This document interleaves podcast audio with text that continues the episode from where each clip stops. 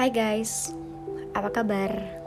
Udah lama banget ya nggak uh, sharing ke podcast. Karena ya seperti yang kalian lihat di sosial media aku di Instagram, di TikTok, aku sibuk ngekonten, sibuk kerja, sibuk berkarya juga. Dan akhir-akhir ini aku emang ada lagi ngerjain suatu project yang kemungkinan tahun depan bakal diterbitin. Jadi doain aja ya semoga semuanya lancar. Nah kali ini aku kayaknya nggak terlalu banyak sih bakal sharing ke kalian. Jadi ini uh, merupakan pemikiran-pemikiran aku yang selama ini beberapa hari terakhir ini kayaknya aku harus deh nge-share ini ke kalian gitu. Jadi aku mau bahas tentang stoicisme. Kenapa aku sampai bisa buat bio di TikTok stoik kayak sangat-sangat menjunjung tinggi gitu ya prinsip stoicisme karena sebelumnya aku kasih tahu dulu ya stoicisme ini adalah uh, filsafat Romawi kuno yang mana menjadi dasar ide bahwa tujuannya tujuan hidupnya itu tuh selaras dengan alam. Jadi selaras dengan alam itu meliputi keseluruhan kosmos. Jadi termasuk eh, rekan-rekan sesama manusia itu juga termasuk selaras dengan alam. Nah, jadi ada tiga nih prinsip uh, ideologi stoicisme ini ya, yang aku baca dari buku Filosofi Teras karya Henry Manampiring ilustrasi dari Levina Lesmana. Jadi ini bukunya uh, ada sekitar mungkin 12 bab lebih ya. Aku nggak tahu. Aku nggak terlalu ingat karena udah lumayan banyak juga buku-buku yang aku baca. Jadi ini yang akan aku kasih tahu ke kalian inti-intinya aja sih. Sebenarnya banyak banget yang bisa dibahas dari buku ini tapi karena ya mungkin waktunya juga aku cuman punya waktu segini jadi ya aku kasih tahu inti-intinya aja ya yang ku dapetin dan ku terapin sekarang di hidupku. Jadi satu itu selaras dengan alam. Di mana kita kalau misalkan kita nyiram tanaman itu kita bisa bahagia kita kayak uh, punya koneksi batin sama tanaman bukan cuma nyiram-nyiram aja itu menurut aku selaras dengan alam terus kalau misalkan uh, macet biasa kita kan kalau macet itu di jalanan sampai sumpah serapa dan lain-lain. Nah menurut aku itu tuh nggak selaras dengan alam karena kenapa? Itu kan peristiwa yang ibaratnya nggak bisa kita kendalikan. Jadi menurut aku buang-buang energi sih untuk uh, ngomong kasar ngomong yang ibaratnya buang-buang energi justru energinya keluar terus malah balik lagi energi negatifnya ke diri kita ya jadinya bad mood, bete dan lain-lain ya. Jadi menghambat aktivitas yang akan kita kerjakan pada hari itu. Terus kedua, mengendalikan persepsi. Nah, aku sering banget nih dan ternyata aku baru sadar sekarang bahwa yang membunuh kita itu sebenarnya bukan kelakuan orang lain tapi persepsi kita Misalkan, suatu contoh, aku lagi duduk nih, terus ada orang yang ngeliatin aku sambil melotot gitu ya. Jadi karena persepsi aku tadi, ih kenapa sih resek banget orang ini? Uh, terus apalagi persepsinya? Kenapa sih so iya banget gini-gini nih emosi jadi emosi? Padahal kita nggak tahu apakah memang mata orang tersebut memang melotot atau memang beneran orang itu melototin kita tapi dari persepsi kita ini tadi kan kayak aneh-aneh gitu ya amburadul. Jadi menurut aku setelah aku membaca buku ini seharusnya kita mengendalikan persepsi kita sih. Kayak mengubah pikiran-pikiran kita itu menjadi beberapa perspektif tetapi bukan uh, positive thinking terus juga gitu. Ngerti nggak sih positive thinking itu ya yang sesungguhnya dia tuh kayak bukan tentang memikirkan hal-hal positif terus tapi memikirkan kemungkinan-kemungkinan buruk yang uh, sudah kita siapin nih jawabannya, solusinya atas kejadian tersebut untuk dijadikan dasar berpikiran tadi gitu.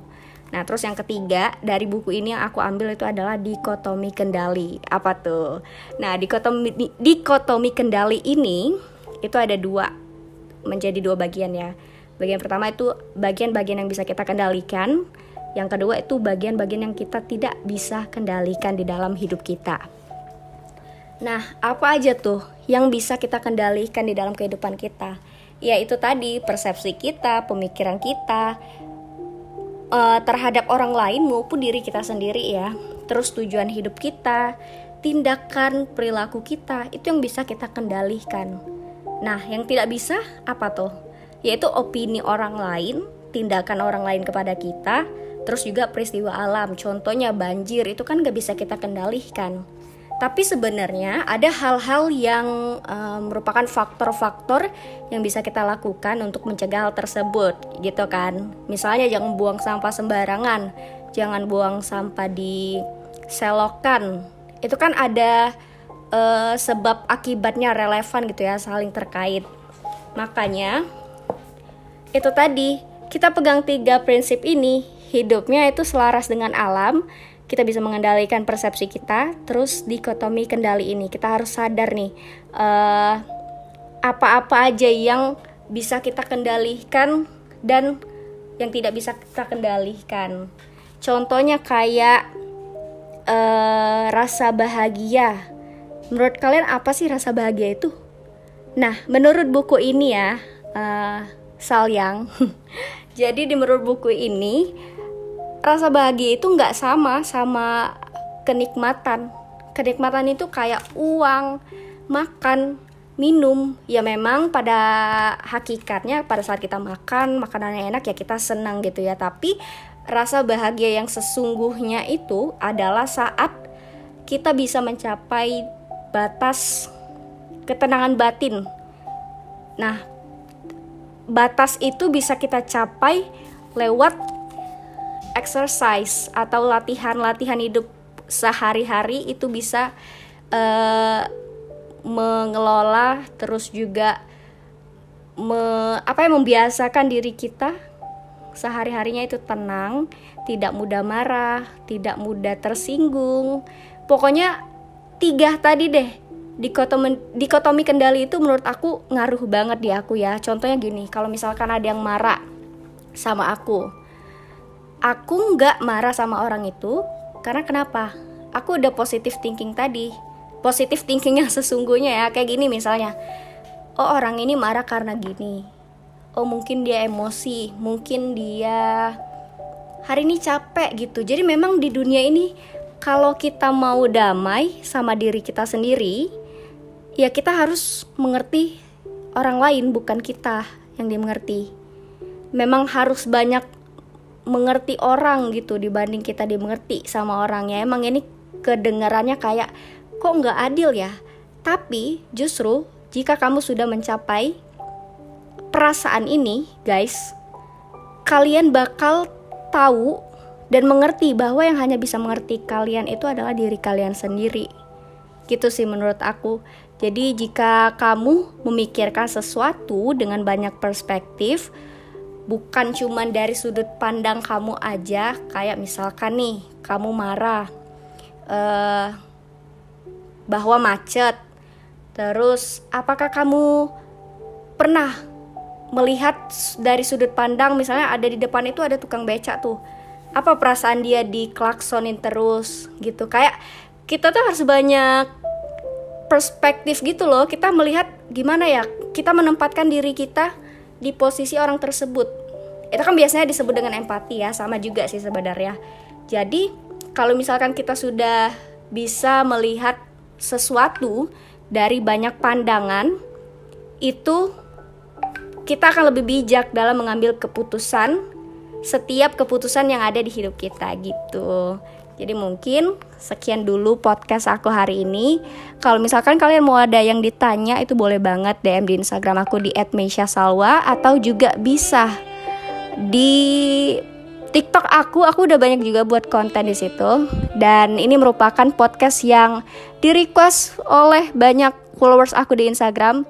Jadi semoga ini bisa jadi obat rindu kalian ya. Nanti next aku bakal uh, ngepodcast lagi kalau misalkan memang ada waktunya. Jadi jangan bosan-bosan ya untuk stalking dan pantengin terus Instagram aku karena aku bakal update di situ. Oke, okay? thank you.